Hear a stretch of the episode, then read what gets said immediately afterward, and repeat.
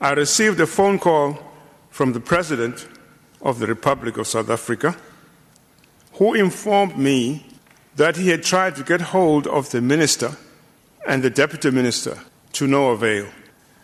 The President said he was able to locate the Acting Director General and asked if she had spoken to me, which at that point she had not.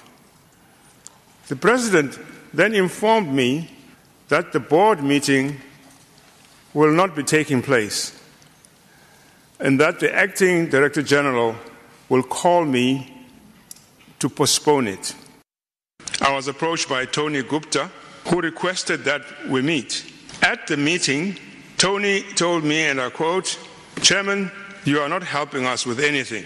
We are the ones who put you in the position you are in. We are the ones who can take you out. Close quote. My response was, and I quote, do what you have to do and let me carry on with the job that the cabinet appointed me to do.